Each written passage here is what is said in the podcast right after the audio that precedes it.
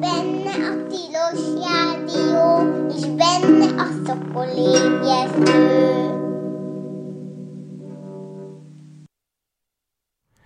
Jó reggelt kívánunk, ez itt valóban a Tilos Rádió 90.3 frekvencia modulált hullám hosszon, 93 MHz-es frekvencián pontosabban, és ez más, ha már 90.3-ról beszélünk, akkor ez a 90. adása a Szokolébresztőnek. A, a, itt a mikrofonnál Dr. MZ per X vagyok, és elvileg Skype-on itt van velünk Werner Norbi, aki Brünnből jelentkezik be valószínűleg. Norbi, tartunk egy hangpróbát, egy beköszönés erejéig? Norbi, hallasz minket? Ja, hát jó, oké, úgy látszik most ez így ö, annyira nem működik egyelőre.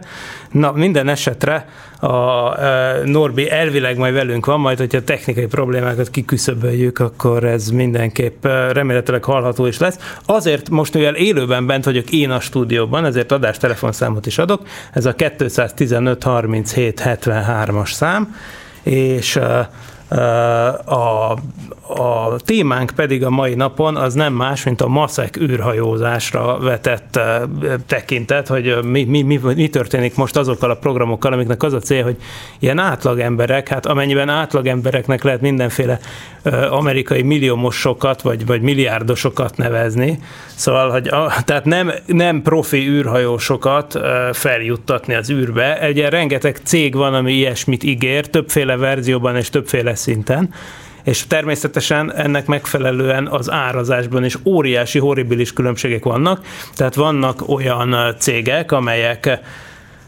az relatíve megfizethető potom, potom néhány százezer dolláros kategóriában hirdetik a jegyeiket. Ezek többnyire egyébként ilyen úgynevezett űrugrások, amelyek olyan repülések, amelynek során az űreszközök nem állnak földkörüli pályára, hanem igazából fölrepülnek, és nagyjából 5-6 percet töltenek tulajdonképpen a súlytalanság állapotában és a, a világűr képzeletbeli határa fölött, ugye majd ebbe biztos bele kell mennünk az adás során, hogy hol kezdődik a világűr, ugye ez egyáltalán nem egy triviális kérdés, de hát a lényeg az, hogy, hogy, hogy vannak, olyan, vannak olyan cégek, amelyek ezt kínálják, ezt a, ezek nagyságrendekkel olcsóbbak, és természetesen vannak azok a cégek, amelyek a föld körüli pályát, sőt, adott esetben a nemzetközi űrállomást, vagy akár annál is távolabbi vidékeket, extrémebb esetekben a holdat célozzák. Nem áll távol az ilyenfajta üzletelés, például ugye az űrkorszak mostani feltörekvő szupersztárjától, a SpaceX-től sem, tehát Elon Musk féle cégtől, amelyről majd Werner Norbi elvileg be fog számolni, de de igen, most Norbi azt írja nekem, hogy ő ugyanúgy beszélt, mint a műsor kezdete előtt, tehát akkor itt valószínűleg valamit kicsit elbénáztam, ami a kábelezést illeti. Egy biztos, itt nem ha, nem hallatszik, amit ő mond, úgyhogy hát akkor tulajdonképpen lehet, hogy ezt én, bocs Norbi, lehet, hogy ezt akkor én most szégyen szemre itt egyedül fogom letolni. Úgyhogy minden esetre hát ez van. A lényeg az, hogy azért mégsem ezzel fogom kezdeni, tehát tekintve arra az esetőségre, vagy arra az esetőségre való tekintettel, hogy esetleg később a technika megjavul, ezért elkezdek én beszélni a SpaceX-en kívüli magánűrutazási lehetőségekről, és hogyha majd esetleg később úgy alakul a technikai csillagzat, hogy, hogy meg tudjuk oldani azt, hogy Norbit bekapcsoljuk, aki ugye természetesen általános szakértője a műsornak, de különös tekintettel nagy szakértője a SpaceX-el kapcsolatos eseményeknek, Szóval, hogyha, hogyha ez megvan, akkor, akkor természetesen őt visszakapcsoljuk. Tehát akkor nézzük meg, hogy tulajdonképpen az, hogy olyan emberek menjenek az űrbe, akik nem űrhajósok, és pláne olyanok, akik rengeteg pénzt fizetnek érte zsebből, hát az nagyjából egyidős gondolat magával az űrhajózással. Tehát ezt kell gondolnunk, hogy, hogy bizony 1961-ben repült föl Yuri Gagarin, de már 1964-ben például már voltak olyan tervek, amik azt célozták, hogy be tervek, hogy például újságírókat, sőt, művészeket vigyenek föl. De most én hallok valamit. Ez pont úgy néz ki, mint egy Skype. Haló, Norbi? Itt vagy? Halló, halló. Hoppá! Most hallatszik, Norbi, csak iszonyú halk. Várjál, megpróbálom maximálisan feltolni. Mondd még azt, hogy haló, haló. Halló, halló. Oh, nagyon jó. Na, most Norbi újra hívott, és valahogy ez, ez valahogy meggyógyította a jelszintet. Uh, szia, Werner Norbi van a vonalban. Mi újság? Te most Brünnből beszélsz, Norbi? Igen, igen, Berényből beszélek.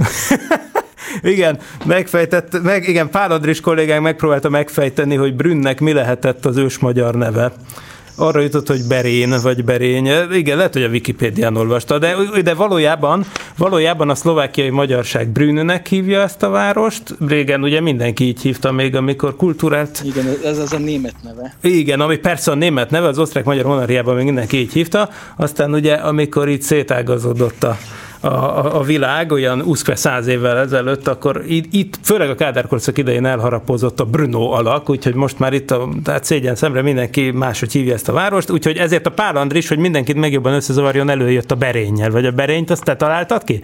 Vagy az Andris? A Pál, Pál Andris. Természetesen mind, minden, minden ilyen elnevezés tőle származik. Na szóval nagyon jó, itt vagy Norbi, de, de már éppen azt vezettem föl a hallgatóságnak, nem tudom, te mennyit hallottál ebből, hogy majd én bevezetem a, a társaságot a a, a suborbitális fizetős űrutazás világába, és akkor utána Igen. fordulnánk rá az Elon Musk és egyéb ilyen földközi pályás történetekre. Jó ez így neked? I- igen, teljesen jó, csak ahogy úgy hallgattalak, akkor eszembe jutott, hogy az első úr űrturista nem egy Bill Nelson szenátor volt. Na de, de igen, igen tényleg. mentek. Így van, így van, így, így van. Na igen, igen, ezt kezdtem el a történeti vonalat, jó, hogy mondod. Tehát volt, a, volt az újságírót az űrbe projekt a Szovjetunióban 1964-ben, amiből nem lett semmi.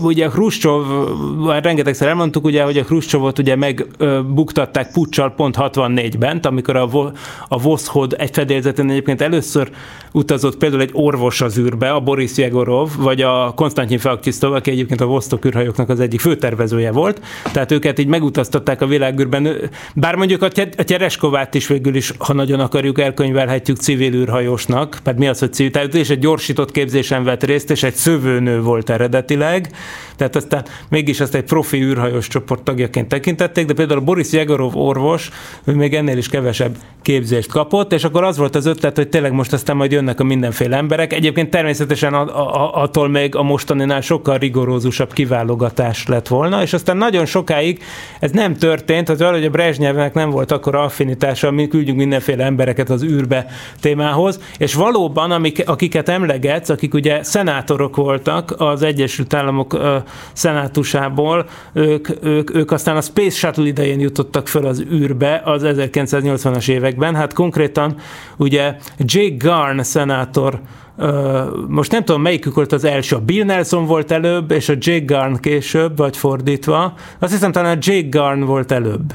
Most erre nem mernék megesküdni, de az biztos, hogy a Jake Garn szenátor egyébként e, pilóta volt egyébként régen, tehát ő még konkrétan mielőtt, ugye mint annyian, annyian egyébként a politikai arénában hadseregnél szolgáltak, még pedig nagyon izé, komoly dolgokat csináltak, tehát a Jake Garn szenátor vadászrepülőgépeket repkedett valamelyik fegyvernemnek, talán a légierőnek, vagy talán a haditengerészetnek. Most, e, és akkor ő, ő volt a, a tagja annak a szenátusi vizsgálóbizottságnak, amit a NASA ellenőrzésére rendeltek ki, és akkor tulajdonképpen ő egy ilyen úgymond hivatali megtekintést tartott az űrben, tehát a Jay Gardner ezt itt tökéletesen elintézte magának, hogy ő felmehessen a világűrbe.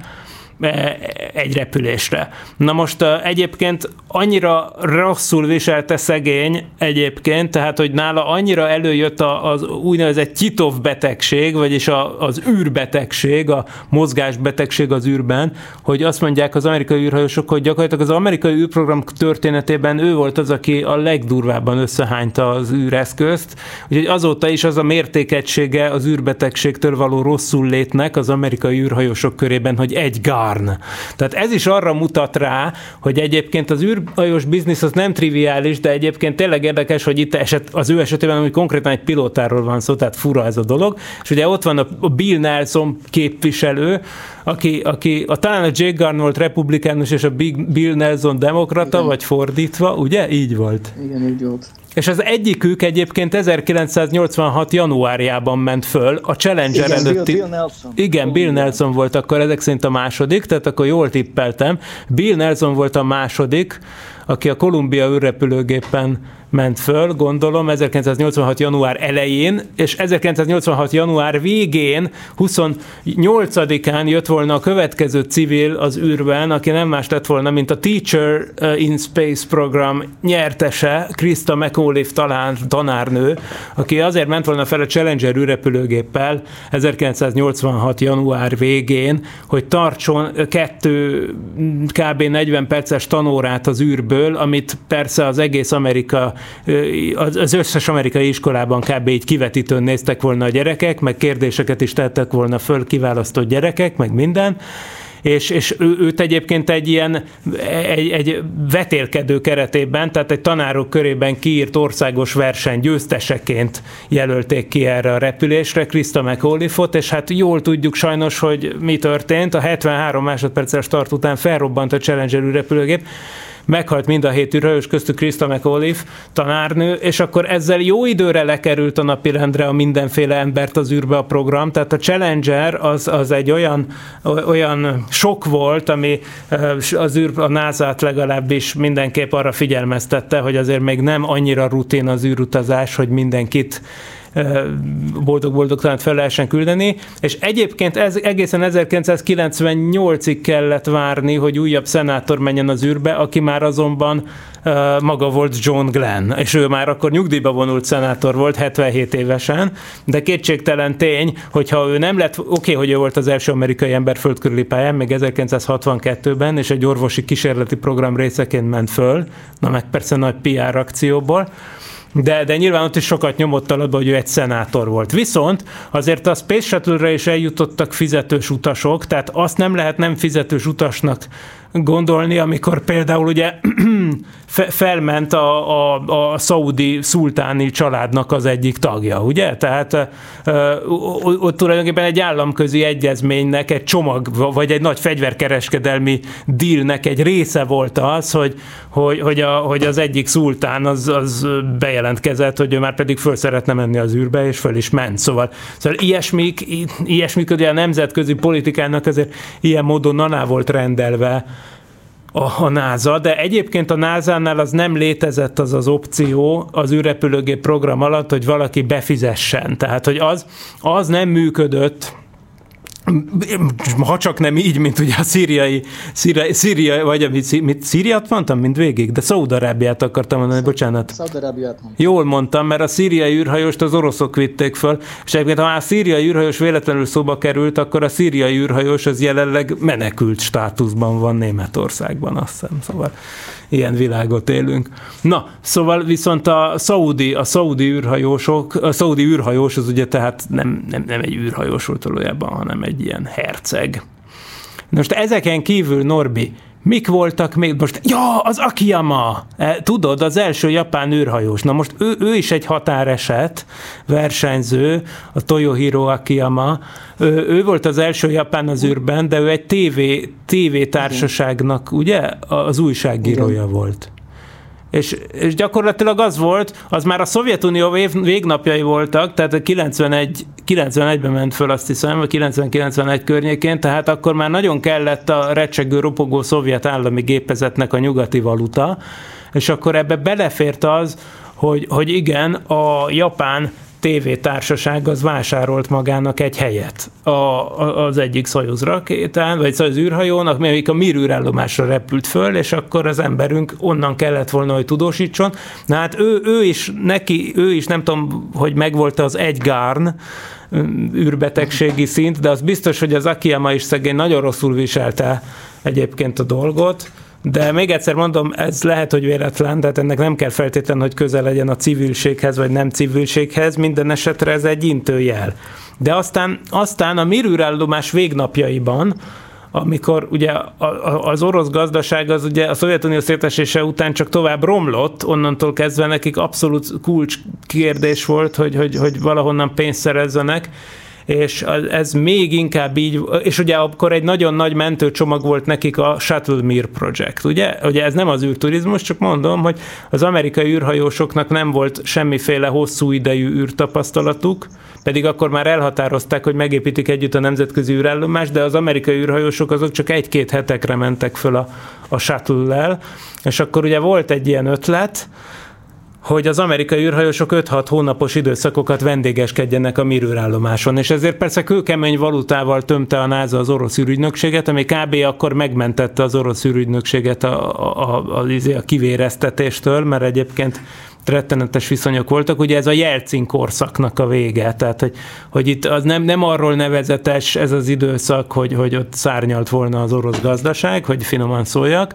a dologról, és akkor hát amikor az amerikaiak aztán elhagyták a Mirt, de a Mir űrállomást még működött, akkor jöttek ilyen ötletek. Például, hogy egy Mir Corp nevű céget alapítottak, amely elkezdte volna árulni a helyeket a Mir űrállomásra. Volt például, és már akkor volt olyan hely, kép, terv, képzeld el, 90-es 99-ben már felmerült a terv, hogy például egy orosz színészt fölküldeni az űrbe, és konkrétan filmet forgattak volna a mirűrállomás fedélzetén, ezt aztán végül törölték, mert nem jött össze a filmnek a költségvetése. Egyébként a kirgiz regényírónak, a Csengiz Ajtmatovnak az egyik regényét filmesítette volna meg Yuri Kara, orosz filmrendező, de a filmrendező nem ment volna föl, de a színész ember az felment volna, sőt, olyan terv is volt talán az elején még, hogy egy színész nő is fölment volna, és még az elején még Antonio Banderaszt is hírbe hozták a dologgal, de lehet, hogy ez csak pletyi volt. Aztán a végén egy orosz színész el is kezdte a felkészülést felkészülés Csillagvárosban, de aztán nem lett az egészből semmi.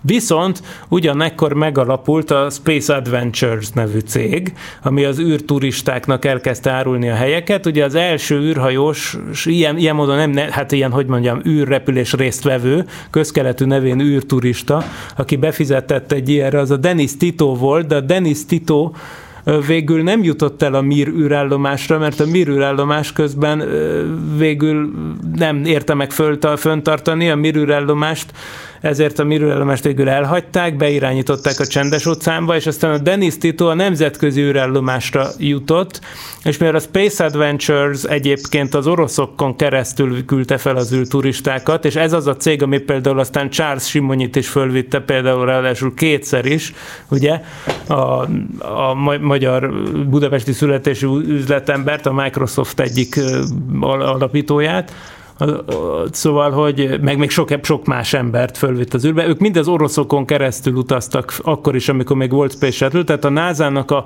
a, a, a policia az tökéletesen tiltja az ilyesmit, és annak idején volt is belőle nemzetközi feszültség, mert a NASA nem nézte szívesen az oroszoknak az, a, az, izé, az űrturista tevékenységét, viszont hát belettek, hogy ebbe ők nem szólhatnak bele, de így is kikötötték igazából, hogy ők ne nagyon menjenek át az amerikai részébe az űrállomásnak. Tehát ezért nem volt mindig sima ez a dolog.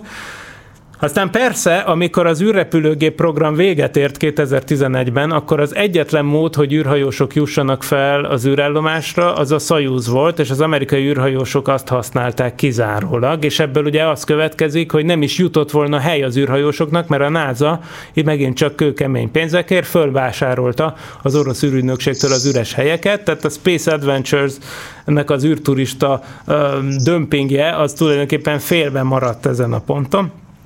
Na, és akkor valahogy ez volt az űrhajózás története, egészen addig, amíg az X-Prize-ig nem jutottunk el.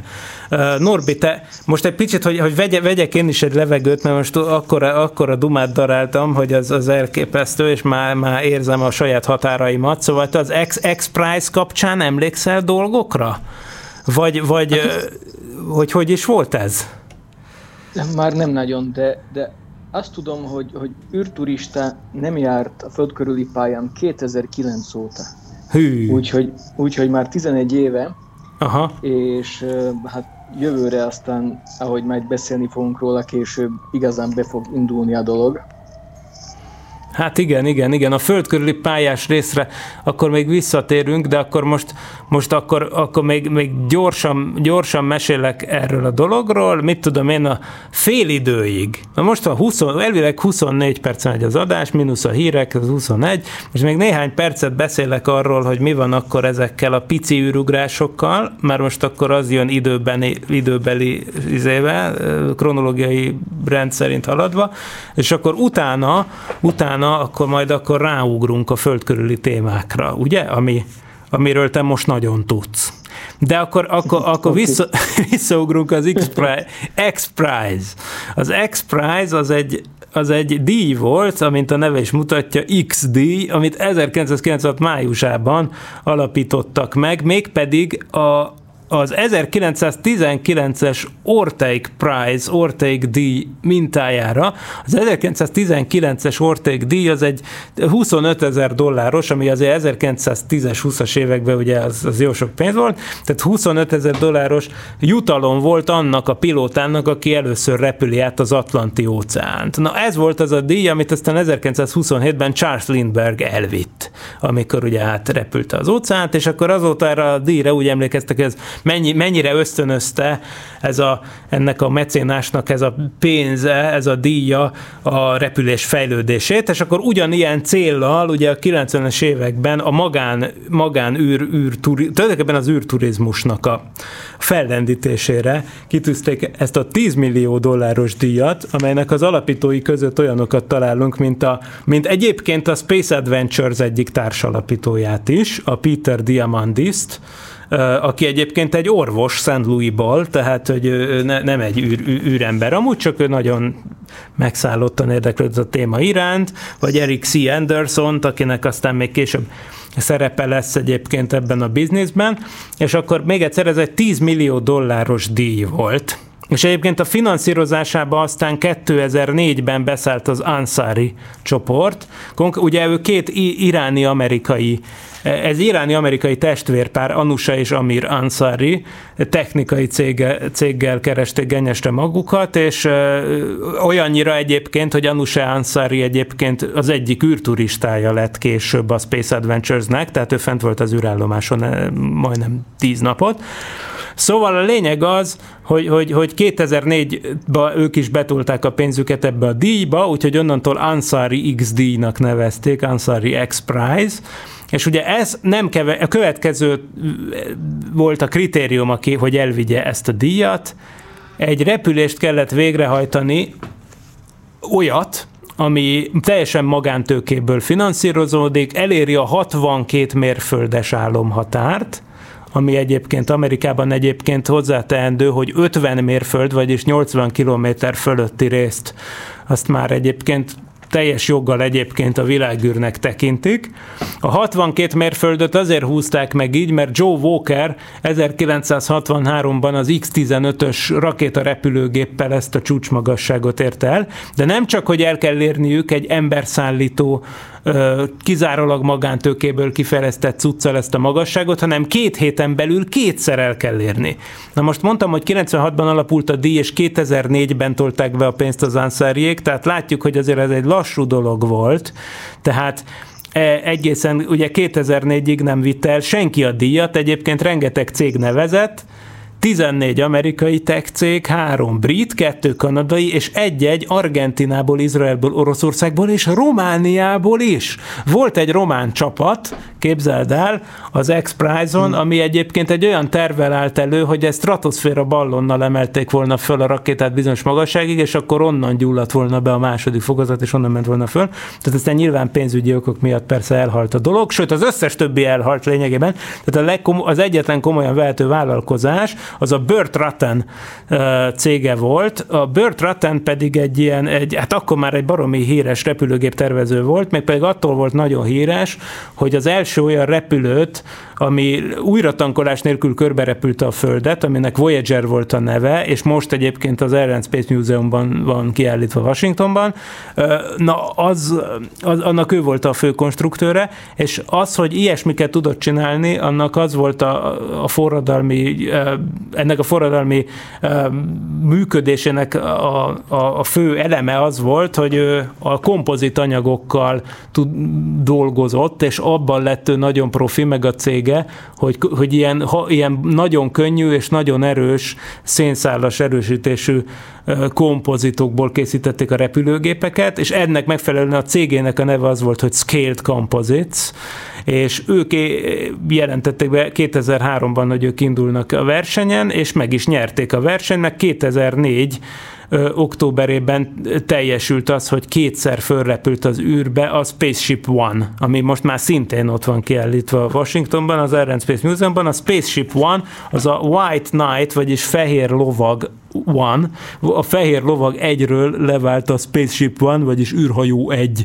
nevű eszköz, olyan nagyjából 16 kilométerre fölvitte a repcsi, pont úgy, mint ahogy régen az X sorozat kísérleti repülőgépeinél történt, tehát nem a földről szállt föl az űrhajó, de ez nem is volt benne egyébként a díjnak a, a kitűzésében, tehát, hogy 16 kilométerre nagyjából fölrepült ez a szállító repülőgép, ami maga is ilyen, ilyen, ilyen könnyű kompozit szerkezetű repülőgép volt, átmászott bele a, a pilóta, levált, és akkor fölrepült, és, és, és meg is történt a, a nagy repülés. Ugye Mike Melville volt az első ilyen értelemben mert magán űrpilóta, aki az első repülésen 103 kilométerre repült föl, szeptember 29-én 2004-ben, és aztán két héten belül, október 4-én Brian Binney 112 kilométerre javította a rekordot ugyanezzel az eszközzel, és ez azt jelenti, hogy akkor ők megnyerték az X-díjat. Tehát ez, ez, ez sokat lendített a dolgon, és aztán, na, és hogy ráforduljunk a témára, ami tulajdonképpen most így aktuális, hogy aztán ennek a cégnek és ennek a tudásnak, sőt magának a Burt Ratten fejlesztő csapatának a felvásárlásából és továbbfejlesztéséből alakult ki a Virgin Galactic, ugye a Sir Richard Benson nevű csilliárdos, aki, aki a Virgin cég csoportot vezeti, többek között például a Virgin Atlantic légitársaságot, ő, ő, aztán tulajdonképpen átvette tulajdonképpen az egész scaled kompozíciót, lényegében bevásárolta magát a dologba, és, és persze neki nagyobb tervei voltak, hogy turizmus, és akkor megszületett a Spaceship 2 terve, amiben már sok ember belefér. Sok alatt azt kell érteni, hogy 6-8-10 ember bele tud ülni. Most a tervek azok időben változtak persze, és persze mindig tolódtak, mert eredetileg azt mondta Benson, hogy 2009-re megtörténik a repülés, aztán egyre csak csúszott-csúszott a dolog. Közben kinőtt a semmiből az Edwards légitámaszpont mellett a Mojave Spaceport, a Mojave, kaliforniai Mojave sivatagban egy, egy őrepülő repülőtér tulajdonképpen, ami a Virginnek a magánűr repülőtere. Ezek a dolgok onnan szállnak föl. Továbbra is, továbbra is repülőkről engedik le ezeket majd, és White Knight 2-nak hívják a szállítórepülőgépet, és Spaceship 2-nak a, az űrhajó típust, de, de, de több példány épül ebből az űrhajóból, és ami nagyon visszavetette a fejlesztést, hogy 2014. októberében felrobbant az egyik, a pilótával együtt, a, a Michael Ellsbury-vel, aki 39 évesen szörnyet halt az egyik ilyen kísérleti repülésben, amikor kipróbálták volna a Spaceship Two-t, leoldották a szállító repülőgépről, de repülés közben felrobbant, és hát ennyi volt a történet, sajnos, és az évekkel visszavetette természetesen a fejlesztést is aztán fel, újat kellett építeni. Az ott elveszett eszköznek az volt a neve, hogy Enterprise, tehát azt a Spaceship Two-t, azt úgy hívták, azt a konkrét példányt, hogy Enterprise. Aztán megépült szépen lassan a Unity, ami aztán 2018 decemberében és 2019 februárjában szépen elkezdte a repüléseket, és állítólag, állítólag persze ezt már ugye Sir Richard Benson az folyamatosan azt mondja, hogy az év végéig, tehát én már végig követtem, hogy kb. 2014 óta folyamatosan azt mondja mindenre, hogy az év végéig majd szállítanak embereket, hogy ez még nem történt meg, persze nem mondanak konkrétabbakat ennél, de, de egyébként állítólag most, most az, az volt az újdonság ebben, hogy néhány hete volt az a sajtótájékoztató, amikor bemutatták, a, bemutatták a, az űrhajónak a belső terét, és az valami egészen elképesztő, és azt már ki is próbálták a legutóbbi repülésen, tehát már nem csak a pilóták repülnek, hanem a cégnek a különböző alkalmazottjai, például olyanok, akik azon dolgoztak, hogy elég ergonomikus legyen az belső tér, tehát marha nagy panorámás kör alakú ablakok, és akkor láttam a reklámfilmet, ami magyarázza az embereknek, hogy, hogy a pénzéért micsoda szolgáltatást kap, hogy, hogy, hogy, hogy izé, ott mindenféle kamera fogja nézni rengeteg irányból, és oda bedokkolhatja a, a kütyüjét ott egy, egy ilyen izé selfie stick-szerű dologba, hogy azonnal posztolhasson mindent a közösségi médiára, mert tudjuk, hogy milyen, de ez rettenetes amúgy, mert 6 perc a súlytalansági szakasz, és két és fél órás az egész nyomorult repülés, de a reklám az arról szólt, hogy, hogy amíg ott vagy, addig is élőben posztolhatott tele a közösségi médiát, sőt, ugye vanitatum vanitas, a valaha az űrbe juttatandó legnagyobb tükör, mármint mondják ők, hát nyilván azért a Hubble űrtávcsőnek meg ezeknek a tükre az nagyobb, de hogy személyzetes űrhajókra szerelt legnagyobb tükör van a fedélzeten, csak azért, hogy az ember ne csak az ablakon nézze ki, nézzen ki, hanem azt is láthassa, hogy ő hogyan lebeg ott az űrben, hiszen az is az élmény része, és akkor még az is a csomag része, hogy a végén, amikor leszálltak, akkor egy ceremónia keretében eh, kapnak kitűzőt is, és hivatalos űrhajósá avatják őket, tehát te, te, te, teljes a csomag, és persze van is jelentkező, tehát megnéztem, hogy kik jelentkeztek a listára, van egy nem hivatalos lista a neten, ami folyamatosan frissül, de nem frissül elég gyorsan, mert például Stephen Hawking neve még rajta van, aki persze már azért néhány éve meghalt, két éve azt hiszem. Na, viszont ott találtam a nevét, képzeld el Ellen Sternnek. Most szerintem az az az Ellen Stern, akit ismerünk, nem? A, a, a Pluto a Pluto Ellen Stern, a New Horizons űrszonda vezető kutatója, de lehet, hogy ez egy másik Ellen Stern, minden esetre vicces lenne, de, de ismertem neveket azért kiírtam, hogy kik azok, akik már befizettek. Itt van Angelina Jolie, Jolie, Brad Pitt, Paris Hilton, sőt, Anusha Ansari, akiről mondtam, hogy már a nemzetközi űrállomást megjárta, de úgy látszik erre a repülésre is befizet majd, tehát ez azt jelenti, még egyszer, hogy szá, maximum 110 kilométerre fölrepülnek az emberek, egy két és fél órás repülés, és ez 6 másodpercnyi súlytalanságot tartalmaz, tehát az ember kilebeghet a székéből, kikukucskálhat az ablakon, meggyőződhet arról, hogy gömbölyű a föld, mert a föld gömb görbülete azért innen már látszik, és akkor, és aztán utána visszalebeg a székbe, és akkor szépen leszállnak a Mojave sivatagban. És akkor persze ez a cég egyébként olyan verziót is tervez, aminek Launcher van a neve, amikor is ezt, a, ezt az emberszállító repülőt, ezt a Spaceship Two-t, ezt lecserélik egy kicsi rakétára, mint hogy például a Pegasus esetében a, a, is történ, történik, meg vannak már ilyen egyéb repülőről induló űrrakéták, na elvileg ilyen is lesz, ami persze nem embereket, hanem kis műholdakat visz majd föl, tehát ezt is tervezik, sőt, természetesen ők is, meg a másik cég, ami hasonlóban ut utazik ilyen suborbitális repülésben, a Jeff Bezos cége, a Blue Origin, ugye Jeff Bezos az az Amazonból lett milliárdos, és egy nagy tech guru, mint Elon Musk, akiről mindjárt beszélünk, vagy beszélsz. Na, szóval, hogy, hogy, hogy ők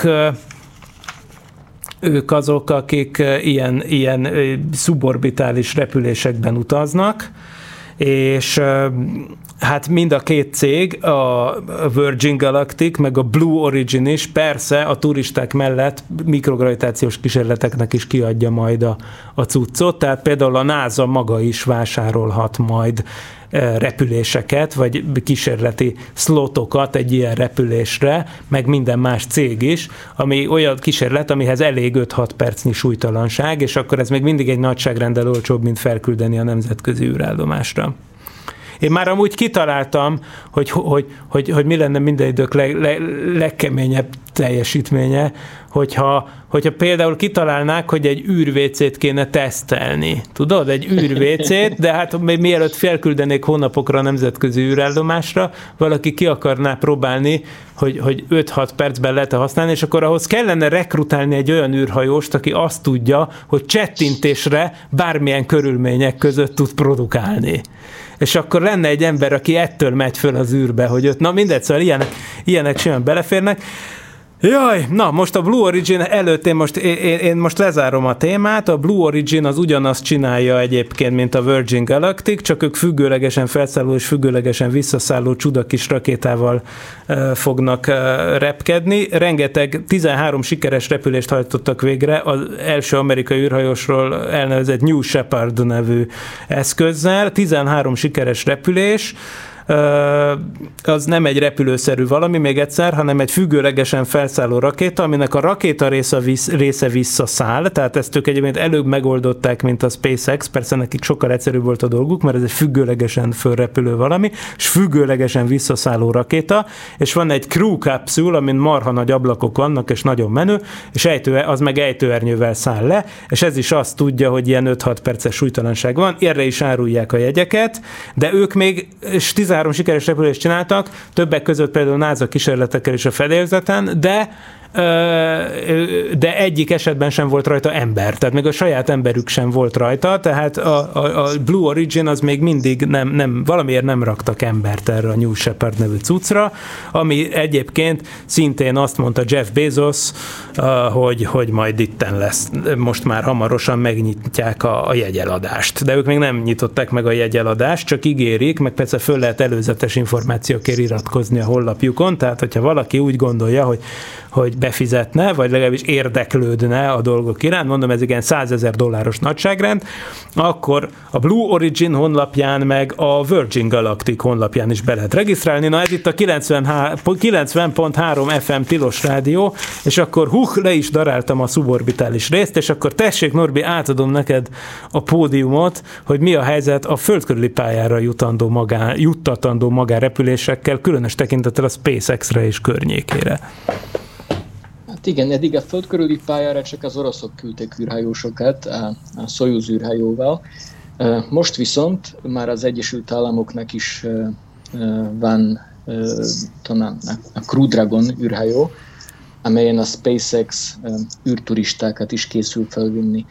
A Crew Dragon eddig csak egy repülést hajtott végre űrhajósokkal, az egy tesztrepülés volt, amelyen két űrhajós repült.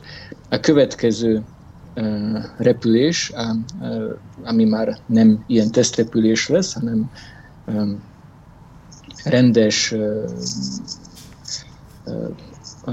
operational flight az űrállomásra, ezt október legvégén fogják végrehajtani, és addig, addigra még a NASA-nak ezt a Crew Dragon űrhajót certifikálnia kell.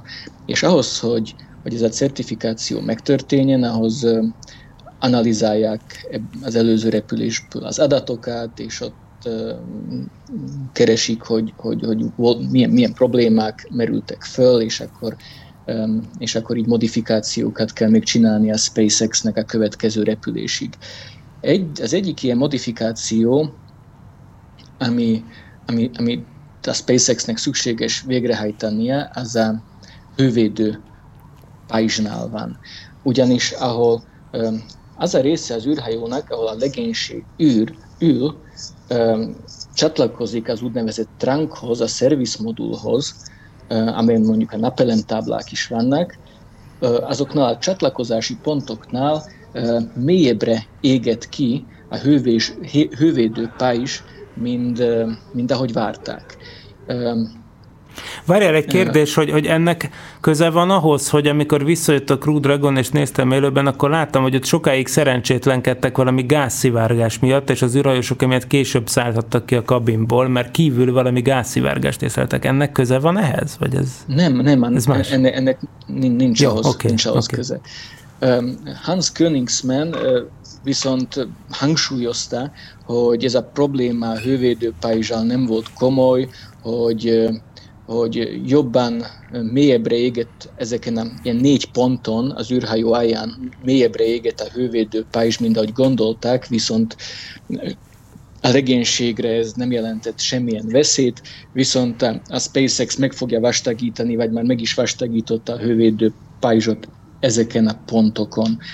Érdekes, hogy az első Crew Dragon repülésen, ahol még legénység nélkül ment a Crew Dragon, ott ez a probléma nem következett be, viszont most a Crew Dragon más másféleképpen lépett be a Föld légkörébe, másféle trajektórián történt a leszállás, úgyhogy lehet, hogy, lehet, hogy azért volt probléma most is, nem az előző repülésnél. Úgyhogy ez lesz az egyik modifikáció az űrhajón, a másik pedig az pedig, pedig a, a külső burkolata az űrhajónak.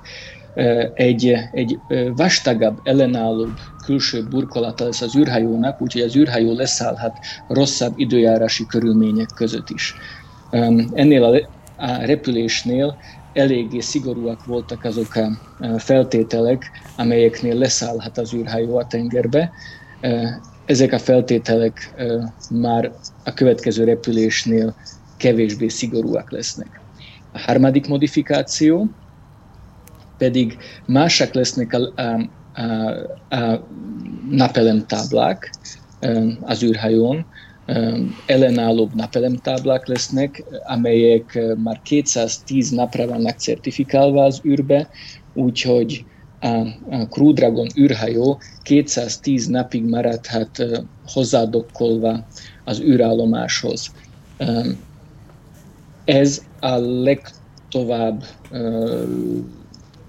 leghosszabb idejű ilyen emberi űrhajó űrben maradása lesz, amerikai űrhajó űrben maradásáról lesz szó, 210 nap, az sokkal több, mint amit régebben az Apollo űrhajó töltött a Skylabnál.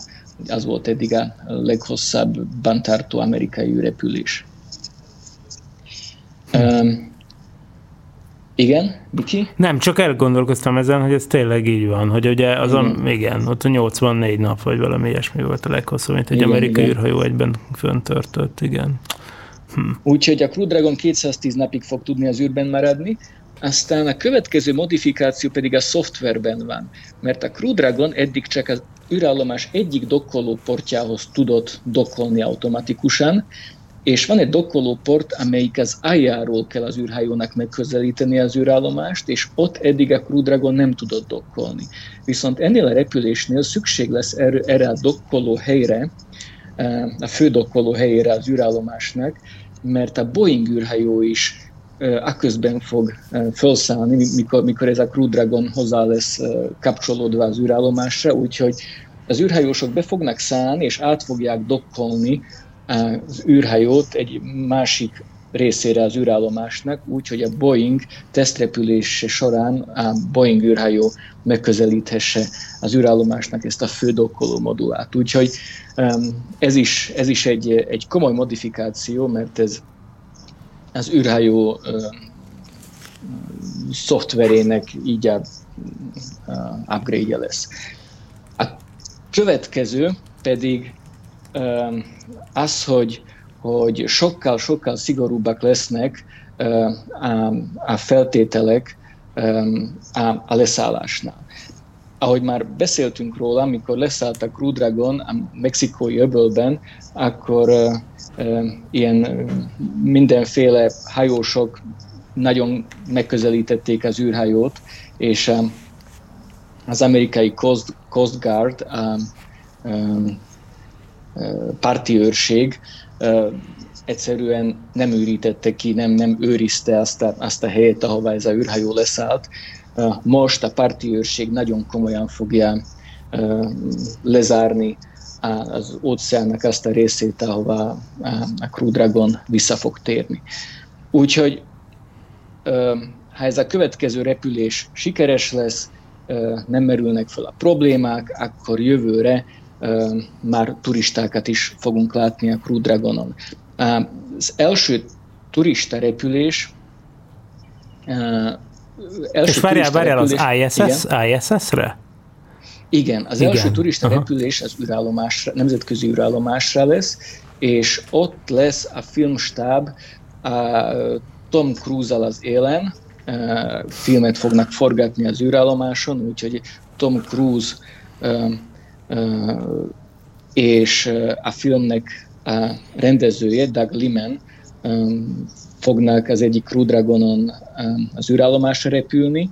Lesz még egy harmadik űrturista is, a filmstábból, ennek a harmadik az lesz, az, lesz az tudjuk. operatőr, a kam- kameraman? Vagy kamerafrau? Igen, gondolom.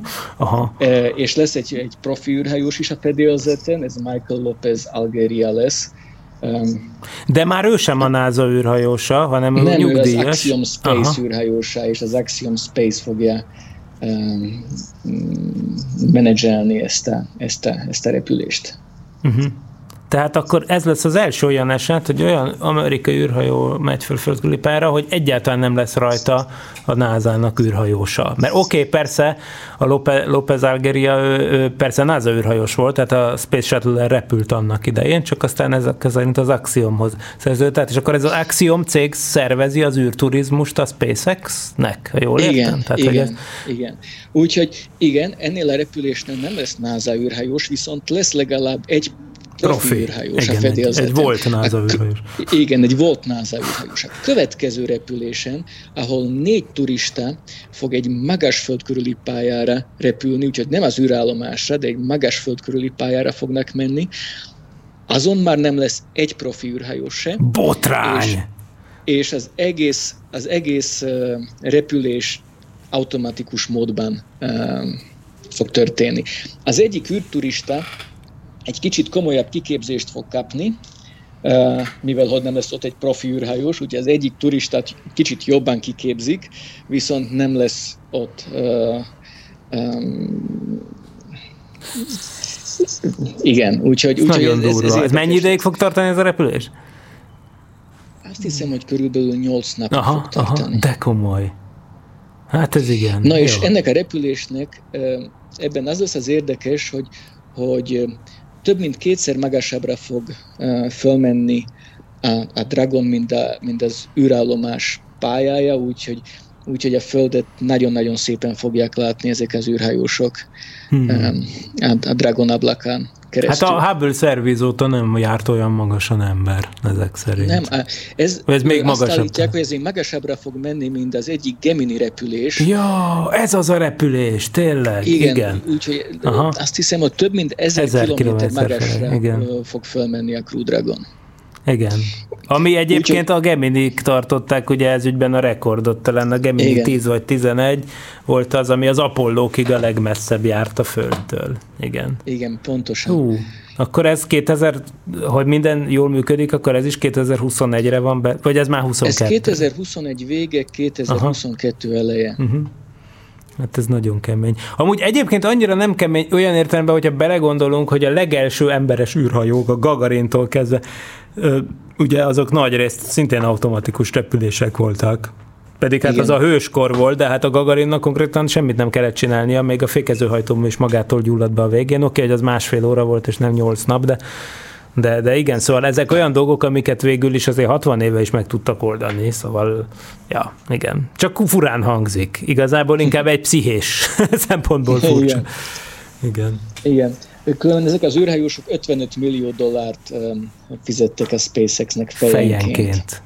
Vagyis az Axiomnak fizetnek, az ugye? Axiom, Aha, az és az Axiom. Igen Aha, hát ez, és az Axiom egyébként szervez a Soyuzra is? Tehát most én a Space Adventures meséltem ugye az űr, űrturizmus történelemből, hogy ezeket a Charles Simonyit és a többi, Dennis Tito, a Nushe Ansari és a többi, hogy ők ugye a Space Adventures keretében voltak fönt. De egyébként az Axiom az az oroszokhoz is szervez?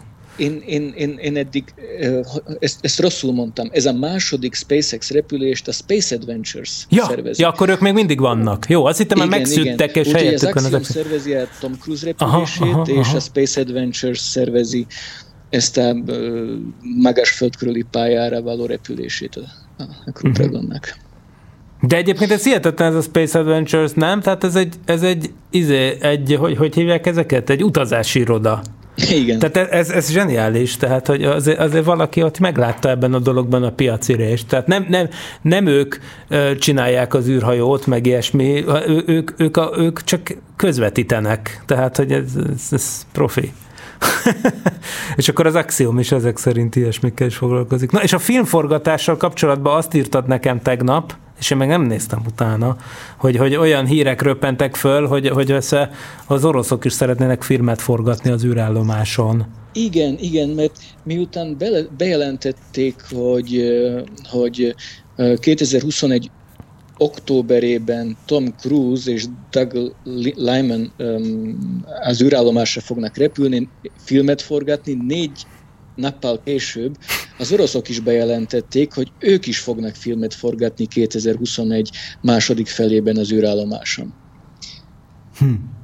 Hát ez komoly, de akkor ez azt jelenti amúgy, és akkor itt is az van, hogy, hogy te feltételez, hogy a filmforgatáshoz kell minimum kettő ember, hogy akkor olyan repülések lesznek, hogy a Szajúzban lesz egy, ugye ez három üléses, tehát lesz benne egy profi űrhajós, meg kettő fizetős vendég. Hát feltételezem, hogy nem egy embert küldenek fel filmet forgatni, mint hogy egyébként a már emlegetett Mir, Mires forgatás esetében is úgy merült föl, azt hiszem, hogy két ember ment volna fel egy profilra, és csak abból végül nem lett semmi, tehát olyan még végül is eddig sose történt.